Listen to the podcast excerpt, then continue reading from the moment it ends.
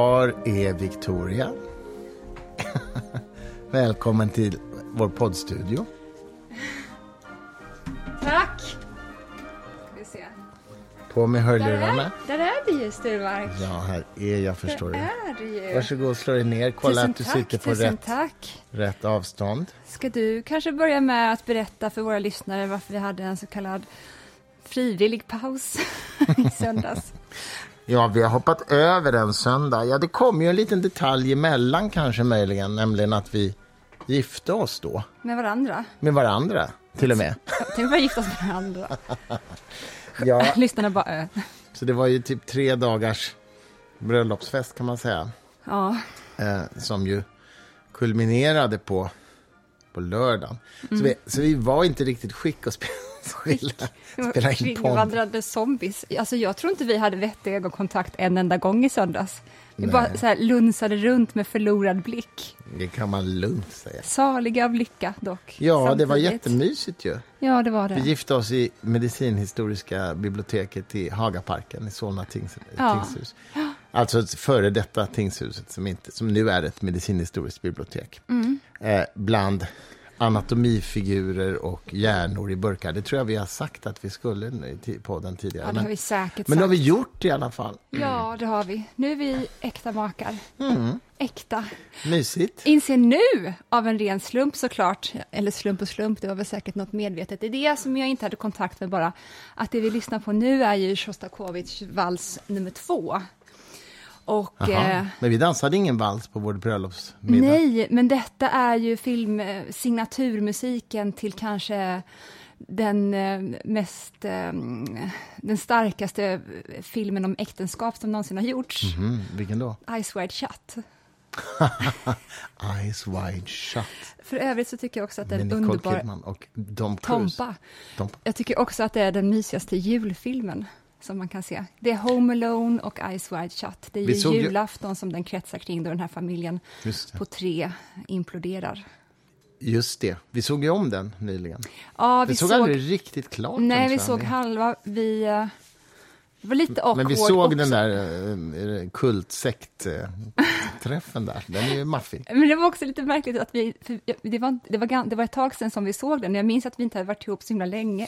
Och det är ju speciellt att sitta och titta på sånt när man kanske inte än är helt, helt Nej, vana vid varandra. precis. Skål för det. Skål älskling! Vårt De, glas champagne här. de tog också in, vet en av de mest berömda koreograferna I, i New York, eh, ballettkoreograf, som var den som såg till så att alla de här orgiescenerna med rörelser blev Mhm. på ett så konstnärligt sätt som möjligt. Det är ju ingen som har sex på det sättet, så som de rör sig. Det, är- det är ju nästan Nej, som en... det. Är ju en häftig scen, det där, eh, eller scener, och det är en häftig film.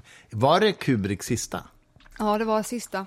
Mm. Och det sägs ju att han eh, dog innan han han, han klippa klart den. Mhm.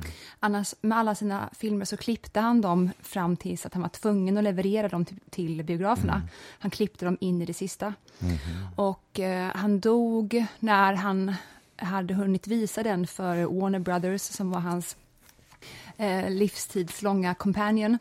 Och eh, då var det några månader kvar tills premiären skulle då inträffa. Och många filmkritiker hävdar då att hade han bara fått ha Ice Wide Shut hos sig ett tag till så hade den varit en helt annan film än den som vi känner till idag. Han hade klippt den ännu mer. Och inte för, att, inte för att den var för lång, för att hans filmer var ju ofta långa, utan bara för att han, eh, han var... Han, så, så långt tid han kunde så knådade han berättelsen tills han tvingades lämna ifrån sig det. Han var ju på så vis eh, nästan obstinat kring historieberättande. Han sa bland annat att filmer är aldrig färdigställda, de är bara eh, de slitna ur ens händer. Jag gillar också ett annat citat som han sa, vilket var apropå att han skulle åka bort på semester, lämna det här godset utanför London och då skrev han alltså en manual till sin familj där han in i minsta detalj redogjorde för hur de skulle hantera katterna i hemmet när han var borta. De hade väl fyra, fem katter. Och den här manualen var liksom 700 sidor lång ungefär. Där det också var många tänkbara scenarion beskrivna. Om det mot all förmodan skulle vara så att den här katten försvinner medan den här katten gör det här, då löser ni det på ett sånt här sätt. Så att han beskrev också inte bara de eh, problemen som hade uppstått dittills med katterna, utan många tänkbara problem som skulle kunna hända och hur de skulle lösa det. Och när de då frågade honom, hur orkar du med dig själv att vara så ingående och detaljerad och noggrann? Då sa han bara helt resolut, either you care or you don't. Älskar honom. Det, var, det är en av dina stora favoriter. Apropå mm. favoriter, så när du var iväg på middag igår kväll så låg jag i soffan och tittade på en dokumentär om Kate Bush som är en av mina favoriter mm. bland artisterna. Jag har ju mina tre ben, Bowie, Brell och Bush. Kate Bush alltså. Ingen annan Bush. George Bush den äldre. Att du skulle vara helt fixerad vid honom också. Var inte det roligt och speciellt? det är jag då inte. Men i alla fall, jag tyckte det var så himla fascinerande. För jag har ända sedan jag var tonåring älskat den här sången och videon Cloudbursting som hon gör.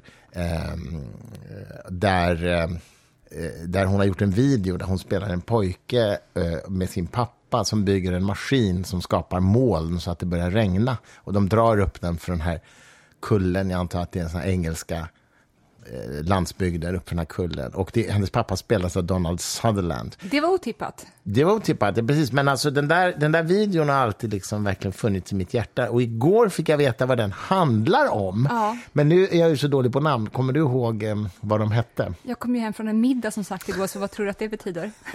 Wilhelm Reich, som ju var lärjunge till eh, Freud eh, som så att säga, bildade någon slags egen psykoanalytisk skola. Eh, höll på, han skrev böcker om fascismens psykologi som brändes på bokbål av nazisterna. Och sen kom han till USA, flydde till USA och blev väl knäpp när han var lite äldre. Så han han kan myntade... ju varit det hela tiden. Ja, det, det kanske han har varit hela tiden. Men han, han utvecklade då på äldre dagar någon teori om Organon, Orgonon som var någon slags universums kraft. Och så började han sälja manicker som skulle liksom hjälpa människor att få kontakt med den här kraften. Och han hamnade alltså i fängelse och dömdes för kvacksalveri, vilket antagligen var helt det låter så befogat. scientologiskt. Ja, det, faktiskt alltså. Men, eh, och eh, han dog i fängelse i USA. Eh, mm. Men i alla fall, och hans son då, Peter Reich, han skrev en bok som heter A Book of Dreams, en slags memoar om sin uppväxt med den här pappan. Mm. Och där han bland annat berättade att pappan försökte skapa en maskin som, som, som skapade moln. Ja. Och, ähm, och den här videon och sången handlar alltså om detta. Jag har aldrig fattat det förut. Men... Så sonen, vänta, Bush skriver om sonen som försöker hjälpa sin galna pappa att, att bygga den här i, regnmaskinen. Regnmaskinen, ja, precis. Ja, den ska tillverka regn. Varför ska den göra regn för?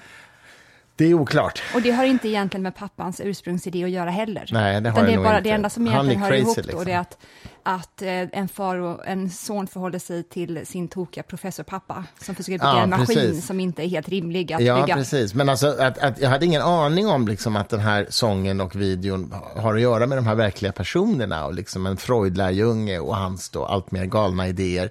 Och jag har alltid tyckt att den här videon är så otroligt vacker, därför den här hon, Kate Bush spelar för första en pojke i videon och mm. hon älskar sin pappa. liksom. Pappan är den här fantastiska uppfinnaren för pojken mm. och han får vara med liksom, och, han får vara med på de här experimenten. Liksom. Och sen i videon så blir ju pappan gripen av FBI typ eller liksom bortförd sådär. Och, ja, det, det, är så himla fint på något alltså, sätt. Historien tycker jag också är jätte, jättefin, men det stod lite i vägen för mig att ett, det var Donald Sutherland, för det var ju Donald Sutherland, och vad gör han där i en Kate Bush-video? Och två, mm. att Kate Bush var utklädd till en lite Astrid Lindgren-aktig figur med ditmålade fräknar ja. på näsan och en jättedålig ja. peruk. Hon, hon hade också ja. hängselbyxor. Man får, man får komma ihåg att det här är ju liksom, eh, vadå, 85? Sånt där är aldrig okej. Okay. Det spelar ingen roll.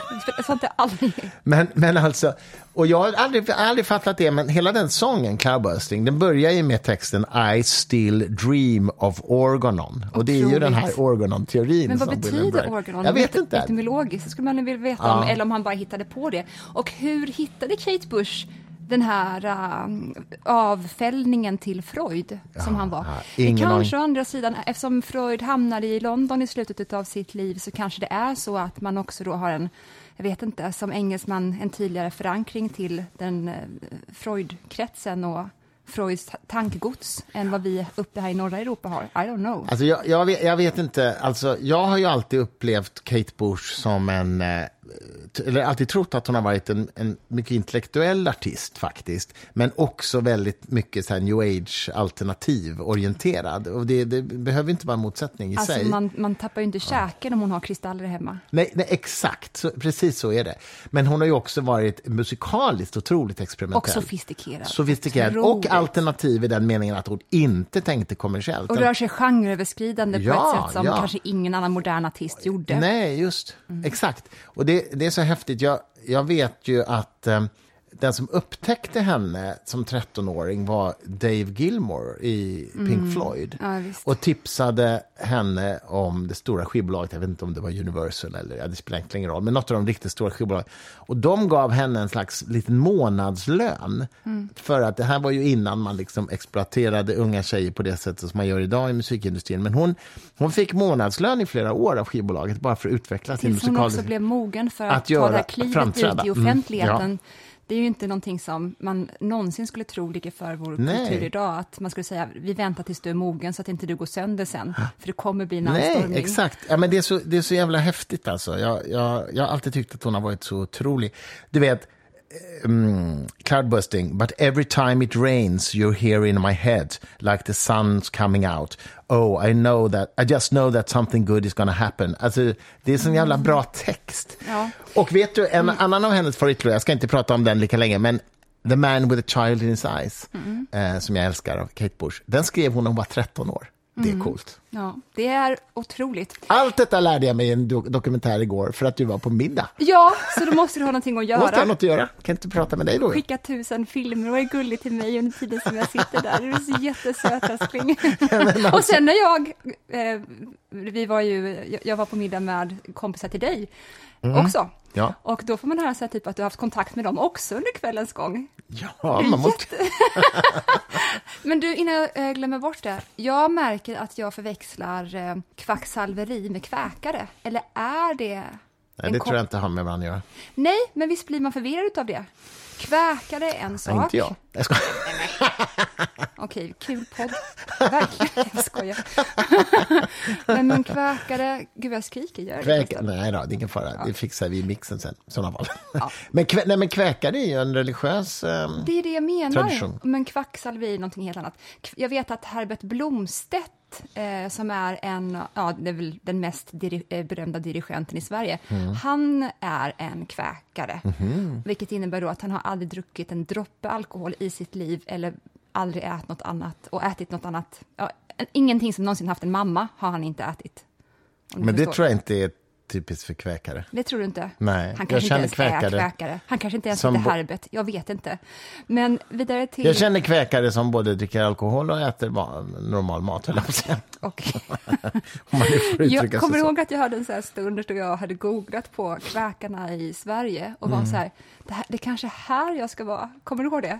Ja, kväkare har ju, de har ju inga gudstjänster till exempel. Nej, de det sitter, finns ingen hierarki överhuvudtaget. Nej, och de sitter typ tysta när de Varför ses. det nu vore en bra sak? Jag tror ju verkligen på hierarkier. Jag är ett hierarkifan, så det var ju jättekonstigt att jag hade en kort stund av förälskelse till kväkarna. Okej, Eller är då- kort förälskelse, jag googlade på dem i fem minuter. Jag är ju då inte gudstjänstfan, så att därför tycker jag kväkare är ganska tilltalande. Ja, nej, jag gillar, jag gillar den ordningen. Jag, jag, jag dyker sällan upp till gudstjänsten, men jag gillar idén utav dem. Jag gillar vad de, vad de har för infrastruktur för människors själar där ute. Eh, jag ska bara också säga, Infrastruktur för människors själar. Alltså, Ja. Det var ju faktiskt, nu har du verkligen myntat ett nytt begrepp. Infrastruktur för människors jag älskar själar. ordet infrastruktur överlag. Mm. Vem Ja, är infrastrukturminister? med eh, Thomas Eneroth. Det är vår kompis. Ja. Ja, jag Ja. tror han skulle Tala med honom om detta. Jag vet att han skulle fatta. Nej, det tror jag inte. Jo, det skulle han.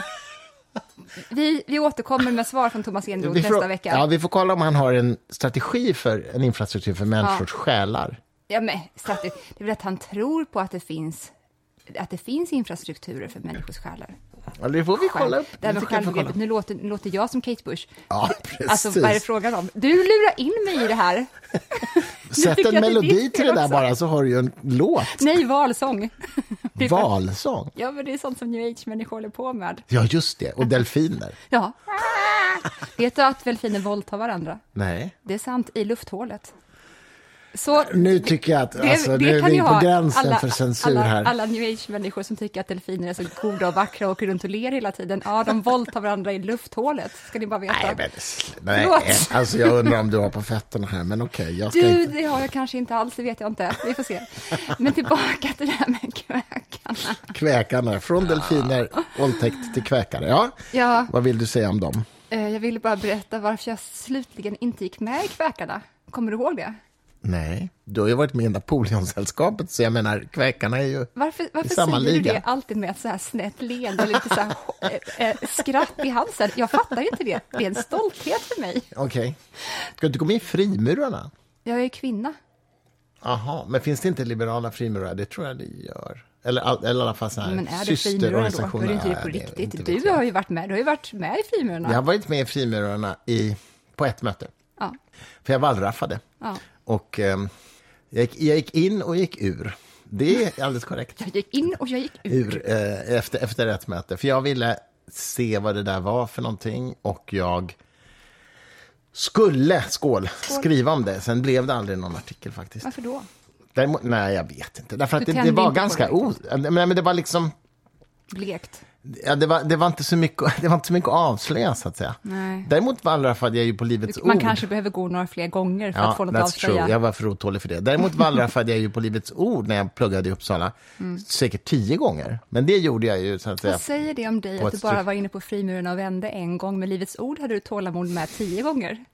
Kan vi dra en liten freudiansk Du- analys över det här? Ja, fast svaret är tråkigare än vad du tror. När det gäller Livets Ord så hade jag åtminstone ett informellt uppdrag för en Aftonbladet-journalist som inte fick komma dit för att han var portad. Eh, Så jag liksom gjorde det och faktiskt berättade. Jag hade någon som ville att jag skulle göra det, om man säger så. Mm, jag förstår. Eh, Frimurarna var mitt eget initiativ. Eh, ja, men, Det ja. sägs ju att i... men jag har blivit välsignad av Ulf Ekman alltså. Det är Ja, ganska kul. det har Sen har inte jag ju jag. debatterat med honom och känner honom lite i den meningen att vi skulle prata om vi möttes på gatan. Ehm, Jag tror det räcker att vi bara nämner honom i den här podden så kommer han lyssna. Jag, jag tror att han har en sån öron mot marken. Hej. Ulf! ja, kanske. Väldigt trevlig Twitter-profilbild får jag säga. Ser väldigt öppen och glad ut där. Jag var i hans megakyrka i Uppsala i debatt. Megakyrka. Ja, alltså Livets Ord i Uppsala, det var ju typ 2000 personer där. Jävlar. Och de, de ordnade alltså en kväll som var en debatt mellan honom och mig. Och det var liksom 1995 Livets Ordanhängare och fem sekulära humanister som hade kommit dit för att titta på det. Så det var lite obalans i publiken, men det var roligt ändå. Jätteroligt i alla Mm. fall. Varför jag inte gick med i Kväkarna, det var ju för att jag insåg att de har inga gudstjänster, de har ingen hierarki. Däremot har de den största skräcken jag kan tänka mig, ungefär. Och vet du vad det är? Mm, att de är tysta. Ja, då har jag verkligen gift mig med rätt person för att undvika den skräcken i så fall. Ja. Nej, det är att man skulle sitta i ring med varandra. Tänk dig in i det. Mm. Det tror jag de gör, ja. Ja, det gör de. Det gör de.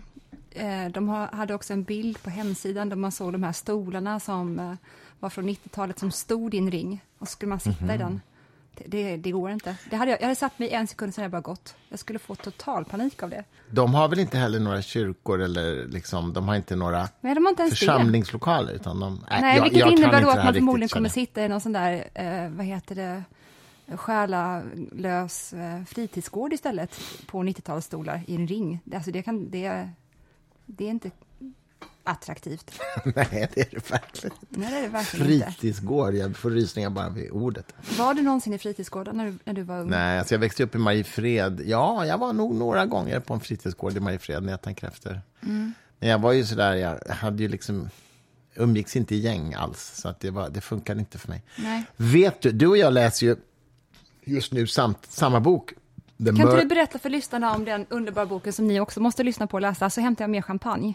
Vad gott det var. Har du redan druckit upp ditt glas? Nej, det är lite kvar som du ser. Men du, jag trycker på paus om du ska, för jag vill berätta en sak för Okej, men pausa då. Vi kommer ja. tillbaka snart. Mm. Ni kommer inte märka att det är en paus eftersom det är Ja. paus. Okej. Nej, Så. Jo, nu ska du få höra. Vi har nu fyllt på champagne här och eh, jag skulle berätta att vi läser ju båda just nu boken The Murder of Moritz Schlick som var ledare kan man säga för filosofikretsen, vinkretsen på 30-talet, eh, 20-talet, 30-talet i Wien. I alla fall. Och eh, då... Tidigare också. Är väl en, eller är det inte tiotal också? Det, Ja, det var oklart. Ja, Eller det vet jag inte förlåt. faktiskt. Men det var ju Karl Popper och Kurt Gödel och, och um, Otto Neurath och det här Mm. gänget. I alla fall, jo, vad jag skulle säga var att Kurt Gödel, som ju är en favorit som du vet, och vi har ju till och med porträtt av honom här hemma, Mm. eh, matematikern, logikern. Hans berömda ofullständighetssats, eh, eh, som ju anses vara kanske största liksom, genombrottet inom matematiken, eller matematisk logik i, någonsin, tror jag många skulle säga. Vet du att han la fram det sista dagen på matematikkonferensen, tror jag det var 1931, eh, på eftermiddagen, liksom, precis innan konferensen var slut, så presenterade han. Vet du vilket datum det var? nej. 7 september, det vill säga min födelsedag. Hade jag trott på synkronicitet så skulle jag ju sagt att det är universum som vill säga något till mig. Jag är född på Einsteins födelsedag och det där hände på din födelsedag. Ja, är inte det lite lustigt? Ja, men det roas ju av sånt också. Ja, ja, det är jätteroligt. Och liksom Gödel har, jag ju varit, har ju varit en idol för mig sedan jag var tonåring. Men igår fick jag veta, för då hörde jag det i den här boken. Vi lyssnar på den nämligen, som ljudbok. Och då lägger Gödel fram det här i bara förbifarten. Han säger det som Ja. i, bara i en parentes. Och sen efter föreläsningen är då kommer, är det Neurath som kommer fram till honom? Vem kommer fram till honom Ja, alltså, efteråt? det- det- För någon vet jag kommer fram till honom Ja. och säger, tar tag i honom och säger, Ja. ursäkta, hörde jag rätt Ja, vad du nej, sa? det är inte Neurath. Vet du vem det är? Nej. John von Neumann. Aha! Denna, detta geni som han var faktiskt och som ju spelat stor roll både för matematiken, eh, kvantfysikens utveckling, spelteorin, Mm. alltså game theory, och som sen flyttade till USA och var med i atombombsprojektet. Ja. John von Neumann. Han, man, man brukar säga att han var den enda som förstod vidden av vad Gödel hade sagt på själva konferensen. Han, Folk fattade inte, det var Mm. Nej. liksom så jävla märkligt. va? Ja. Sen började ju det liksom sippra ut bland matematiker efter detta. Det här är så fantastiskt, jag Mm. gåshud över hela kroppen just nu. För att vad Gödel gör i förbifarten, det är att han öppnar för att allt eh, vi trodde att matematiken skulle bära, klarade inte av att bära. Nej. Han eh, hintar om en matematisk kollaps. Eller så som vi ser på matematiken, inte en matematisk kollaps, men så som vi, de förväntningar vi hade på matematiken. Ja, just det. Förväntningen var ju att den, att den var fullständig, nämligen alla sanna satser var också bevisbara. Ja. Och det visar han att det är inte så. Nej. Det finns alltid sanna satser som inte är bevisbara, oavsett hur man konstruerar det formaliserade språket som är matematiken. Man kan göra det på många sätt. Man kan anta olika axiom som grund, Mm. men det spelar ingen roll. Vad man än kokar ihop för matematik, så att säga, så kommer det finnas sanna satser inom den matematiken, som Mm. inte är bevisbara inom den matematiken. Men de är ändå, ändå sanna. Ja, de är ändå sanna. Vilket gör då att, och det här måste jag fråga Ulf Danielsson nästa gång jag träffar honom, för att jag får det inte, och det är för att jag inte har läst matematik en enda sekund på universitetsnivå. Eh, jag kan inte förstå hur man inte kan vara plat platonist när man vet om vad Gödel upptäckte för någonting. Ja, han visar ju att sa sanning och bevisbarhet inte är samma sak i alla Ja, fall. men det är sant be- oberoende av oss. Nej, inte riktigt, därför att det, det är bara sant inom det formaliserade språk som man har antagit och de axiom man har antagit. Så man kan anta andra eh, axiom och då är det andra saker som är sanna. Så det är inte oberoende av oss i och för sig. Nej, det är det inte faktiskt. Okej. Men däremot så är de eh, inom det här språket så är de sanna även om de inte är bevisbara. Och det är knepigt. Så under de språkförutsättningarna Ja. som Gödel då stakade ut, Ja, eller som matematik som man väljer som matematiskt språk. Ja. Men, men de, de är i- någon mening godtyckliga. Däremot finns det ju matematiska objekt som är oberoende av det formaliserade språket, typ primtal till exempel. Och sådär. De, primtal är ju vad de är oavsett vilket matematiskt språk man konstruerar. De, man, de, man kan tala om dem på olika sätt eh, beroende på vilket språk man har, men de, de har, de, deras essens är oberoende av språket. Alltså det matematiska språket. Men, men i vilket fall som helst, ja, Ulf Danielsson är ju alltså fysikern, professorn som Ja, du menar bara. Som höll ett fint tal på vårt bröllop för övrigt. Jag har också lite svårt när, du, när vi pratar om Gödel och när vi pratar om bevisbarhet och sanning och så vidare. Då har jag lite svårt att uppskatta hur mycket som våra lyssnare vill att vi ska fortsätta koka ner det till eller gräva. Mm. För att eh, jag, ända sedan vi träffades, Mm. eh, så, fort du, så fort du pratar om det här och berättar och jag får ställa frågor, då hamnar jag i en sån koncentration som gör mig lugn och eh, fixerad. Jag älskar det. Det är Som det bästa jag vet. som när du spelar schack. Ja, eller när jag lyssnar på klassisk musik. Det är Ja. samma koncentration faktiskt. Jag älskar det. Jag hamnar, du försätter mig i trans faktiskt när vi pratar om sånt här. överdriva, men ja, okej. men nästan. Jag kan hålla på hur länge som helst. Det är för att du är en mönstersökare. Ja, det är du med. Ehm, men, och det är kanske grattis till dig som har en sån tjej som bara vill säga om och om igen, berätta mer om Gödel, berätta mer om Ja, Gödel. det är väldigt roligt eftersom jag är sån nörd på sånt. Men ni som lyssnar får ju hemskt gärna skriva till oss på sociala medier och på mejladressen som vi har angivit på, var ligger den? Ja, den, ja, var ligger den? Den ligger nog i poddtextens liksom, programförklaring, tror jag. Ja, Den gyllene grenen, D, vänta, vad blir det? D, G. DGG. ja just det. Mm, det blir det. At, nej men vänta, vad har vi för mejladress? Vi lägger ut det här på sociala medier Ah, också. vi ingen ingen fara alls. Men alltså, At att- groundcontrol.se tror jag. du, våra hjärnor är lika på sånt sätt att vi, Mm. f- eh, vi associerar jättemycket och vi flyger runt jättemycket. Och när vi pratar med varandra så är det alltid så att jag måste välja mellan 20 olika spår och plocka ut det som är mest intressant och säga vi går åt det här hållet nu. Mm. Men både du och jag har också egenskapen att vi gillar att gräva och gräva, koka ner och koka ner och bara eh, zooma in och zooma in. Mm. Men eh, med våra lyssnare så märker jag att eh, poddformatet tixar igång oss på ett sätt som eh, jag tror att ni också uppskattar och som jag älskar. För att det blir Ja, vi så... får hoppas det. Eh, Vi associerar ju rätt fritt, även om du kanske associerar något friare än jag, från Verkligen. new age-delfiner till våldtäkter och sådär. Men okej. New age-våldtäkt. Delfiner. Ja, okej. Men, eh, okej. Nej, men det, det är väl, ja, nej, men det är så vi är liksom. Ja. Take it, vad heter det? Take it or break it? Nej, vad heter det? like it or, nej, vad fan heter det? Take it or leave it. Take it or leave it. Tack, tack, tack. Vi ska äta revbensspjäll ikväll, eller hur? Det här är så jag har det, förstår ni? Or leave it, vi ska äta revbensspjäll ikväll. Ja. Älskar dig. Men du, Tillbaks, jag vill prata mer om vårt bröllop. Jaha. Det var så mysigt. Vad heter det? Jag vill bara berätta att när vi... 120 människor hade vi här på fest. Ja, inte under ceremonin. För vi, vi är ju inte sådana som gillar att stå och göra Nej, extremt nej, nej. privata saker inför människor. Så vi gifte oss ju inför bara ett fåtal. Precis, två vittnen och min son och eh, ja, typ. Ja, precis. Vi var åtta personer Mm. Och det var så underbart för att vi var inte... Under hela dagen fram till själva vigseln, då var vi två meter över marken, både du och jag. Mm. Och det var som att vi flöt runt. Och sen så när vi väl stod inför varandra i den här tingsrättssalen, då så får jag kontakt med marken ordentligt och jag känner att du får det också. Din reaktion på att du får kontakt med verkligheten igen, det är att du börjar skratta jättemycket. Du skrattar och skrattar, ungefär som att du är i chock efter en bilolycka. Ja, men- Skrattar jättemycket. Det är lite chockerande att gifta sig faktiskt. Ja, för du trodde, det trodde du inte att du skulle. Nej. Det trodde du verkligen Det inte. trodde jag inte. Jag tycker det är så kul att du hade en jättefin vit klänning och sen så glömde du ta, ta av dig ytterkappan. Ja, När du vi mobbat mig fram så och- att jag står och har på mig så här blottarrock, ser det ut som. Nej, men den är ju fin den också i och för sig. det är men, det så det var ingen som fattade att det inte var tanken. Men det var ändå så Jag hade att en bröllopsklänning där under. du hade en bröllopsklänning under ytter, ytterkappan där och som du hade på dig och det är framme dit. därför konservatism, När vi sa ja till varandra, ja. konservatism i någon form alltid att föredra. För hade jag följt reglerna som är Mm. utarbetade av generationer före mig, då hade jag haft en brudtärna som sagt, ska inte vi ta dig i rocken nu, Victoria? Ja, fast jag gillar dig?" ju att du inte hade det, ärligt talat. Gör du det? Alltså, ja, alltså Okej. nej, usch, kom, såna här konventioner, nej.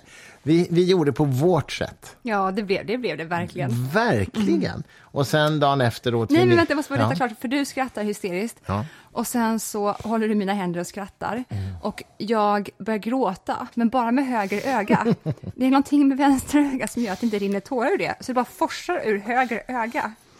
Och sen så var helt, Kanske för att det låg såna ögonglober där i glasmontrar, såna anatomimodeller av ögonglober. som just var högerögon. Ja, precis. Det var den miljö vi lyfte oss i. Alltså, förstår ni, lyssnare, att det var den miljö. Och så, ja. Välkommen till Sveriges uddaste par. Mm. Varför har vi inte det programmet? Vet du att de faktiskt mejlade mig? Det har inte jag sagt, men de mejlade mig från eh, biblioteket, medicinska Mm. biblioteket och sa så här, ja vi har ju de här anatomiutställningsobjekten liksom där, ska vi ta bort dem? Och då sa jag så här, nej, that's why we're there. Vilket liksom. förklarar också att när jag vände mig om och skulle gå ut och sala med dig, då möter jag en så här stor hudlös docka, Ja. där man kan Ja. plocka ut bröstmuskler, hjärta Ja. och lever och så vidare. Enligt mitt minne så var den inte där senast du visade runt mig där. Nej, men det är för att de haft en skulle- utställning. Alltså, du är så rolig! Du, du säger inte ens det här till mig. Nej, men det tänkte jag inte på. Men alltså det här är ju, poängen var ju att förena konst och vetenskap. Du står för konsten, du är konsthistoriker, jag är naturvetare. Vi förenade det i de här anatomimiljöerna. Kanske, kanske blev mest kött och kroppar då jag sa. Ja, men inte i böckerna är det ju oh, Ja, för 1600-talskonstnärer. de tog upp så mycket uppmärksamhet från oss när vi ser liksom nakna kroppar som står röda. men de längs låg där, böckerna också, i sina montrar. Ja. Vad är det han heter, 1600-talskonstnären? Albrecht Dürer. Ja, Men jag undrar om som han är har- från, jag tror inte han är från 1600-talet, jag tror att han är 1400-talet Ja, okej. Men han har ju illustrerat i alla fall en del av de här Om- anatomiböckerna. Så är det, och nu ska du få veta om Albrecht Dürer. Albrecht Dürer, Dürer, ett U med sån här, vad kallas det? Mm, Två- tysk du. Tysk du. Mm. Dürer var den första konstnären eh, som åtminstone sen blev världsberömd, som faktiskt skrev under sina målningar med sin namnsignatur. Eh, han gjorde ett helt företag av sina bilder och Han var såg till då. Ja, men han var verkligen det. Och det sågs ju som extremt förhävande i övriga Europa.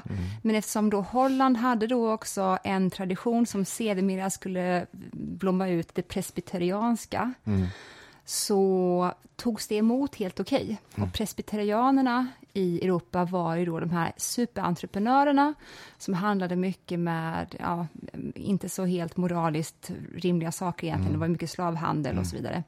Men de var verkligen kapitalister i en tidig anda.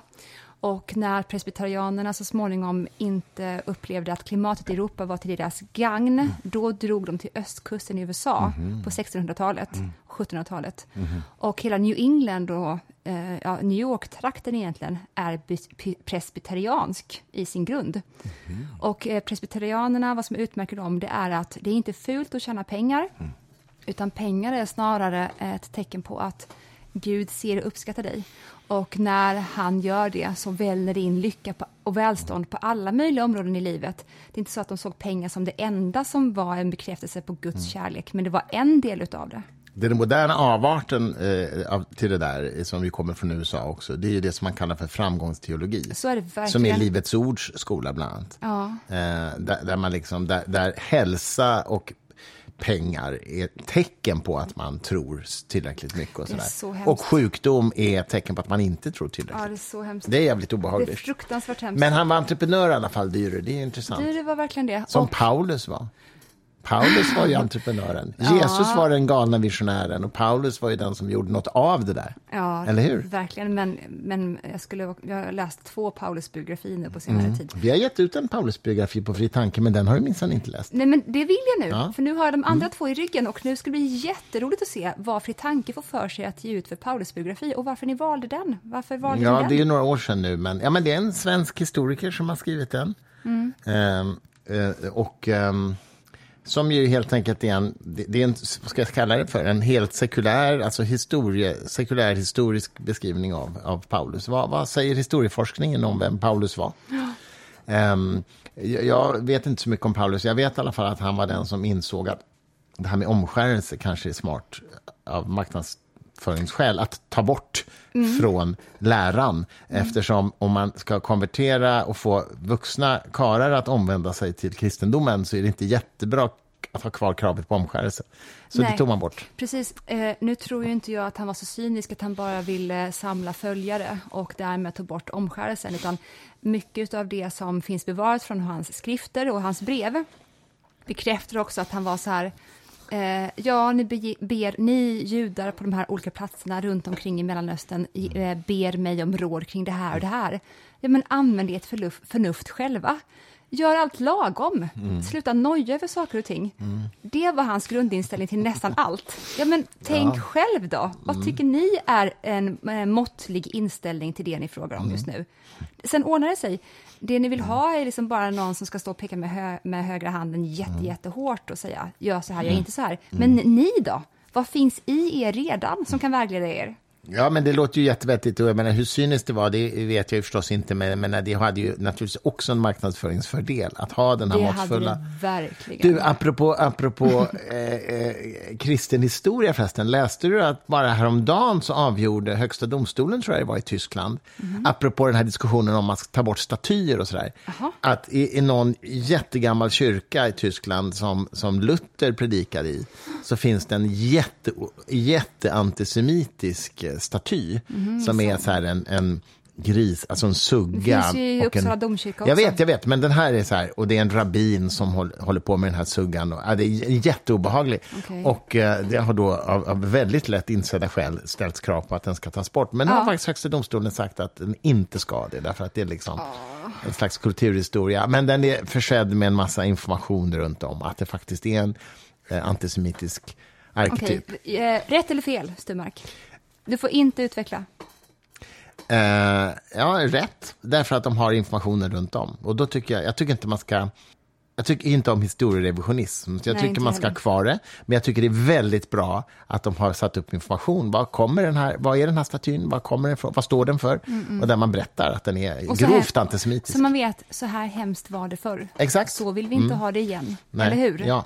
Det Eller de krafterna i samhället som just nu förespråkar att vi ska ha det så här igen. Mm, watch out. Ja, precis. Och vi håller koll på dem genom att också hålla koll på hur de representerades förr Mm. i historien. För övrigt läser jag just nu Gellert Tamas bok om Sverigedemokraternas historia också. Det ska ju komma en vitbok om något år, Mm. eh, som de själva har beställt. Men eh, Gellert Tamas har gjort ett, ett, ett väldigt omfattande researchjobb på detta. Gud, jag vill att du ska berätta jättemycket. Mm, ja, men den är nästa intressant. podd då. Jag har inte alls kommit så långt eh, och han har ju varit lite i blåsväder kring apatiska barnen och det här. Så att, Just det, det var han. ja, det var han. Aj, aj, aj. Jag Men, fattar. eh, Eller? ja, men, men, men det, den är väldigt välskriven. Ja, och jag tror ju att han verkligen är en gestaltare. Vi träffade ju honom på en fest för kanske typ två veckor sedan. Mm. Och eh, jag, märk, jag, jag kan väldigt lätt märka när jag träffar nya människor och i mingelsammanhang ifall de personerna som jag pratar med har den förmågan till att fixera koncentrationen som jag har. Och han hade det. Och det spelar ingen roll i vilken miljö man är i, för att det är någonting med vissa människor som jag känner igen i mig själv också, i hur de fäster blicken i en och hur de metodiskt börjar lägga ut vad de vill säga utan någon oro över att inte vara eh, underhållande nog i det här sammanhanget. De skiter i sammanhanget. De börjar det här tuffa på, ding, ding, ding, ding, ding, ding. och då blir jag alltid lugn med såna.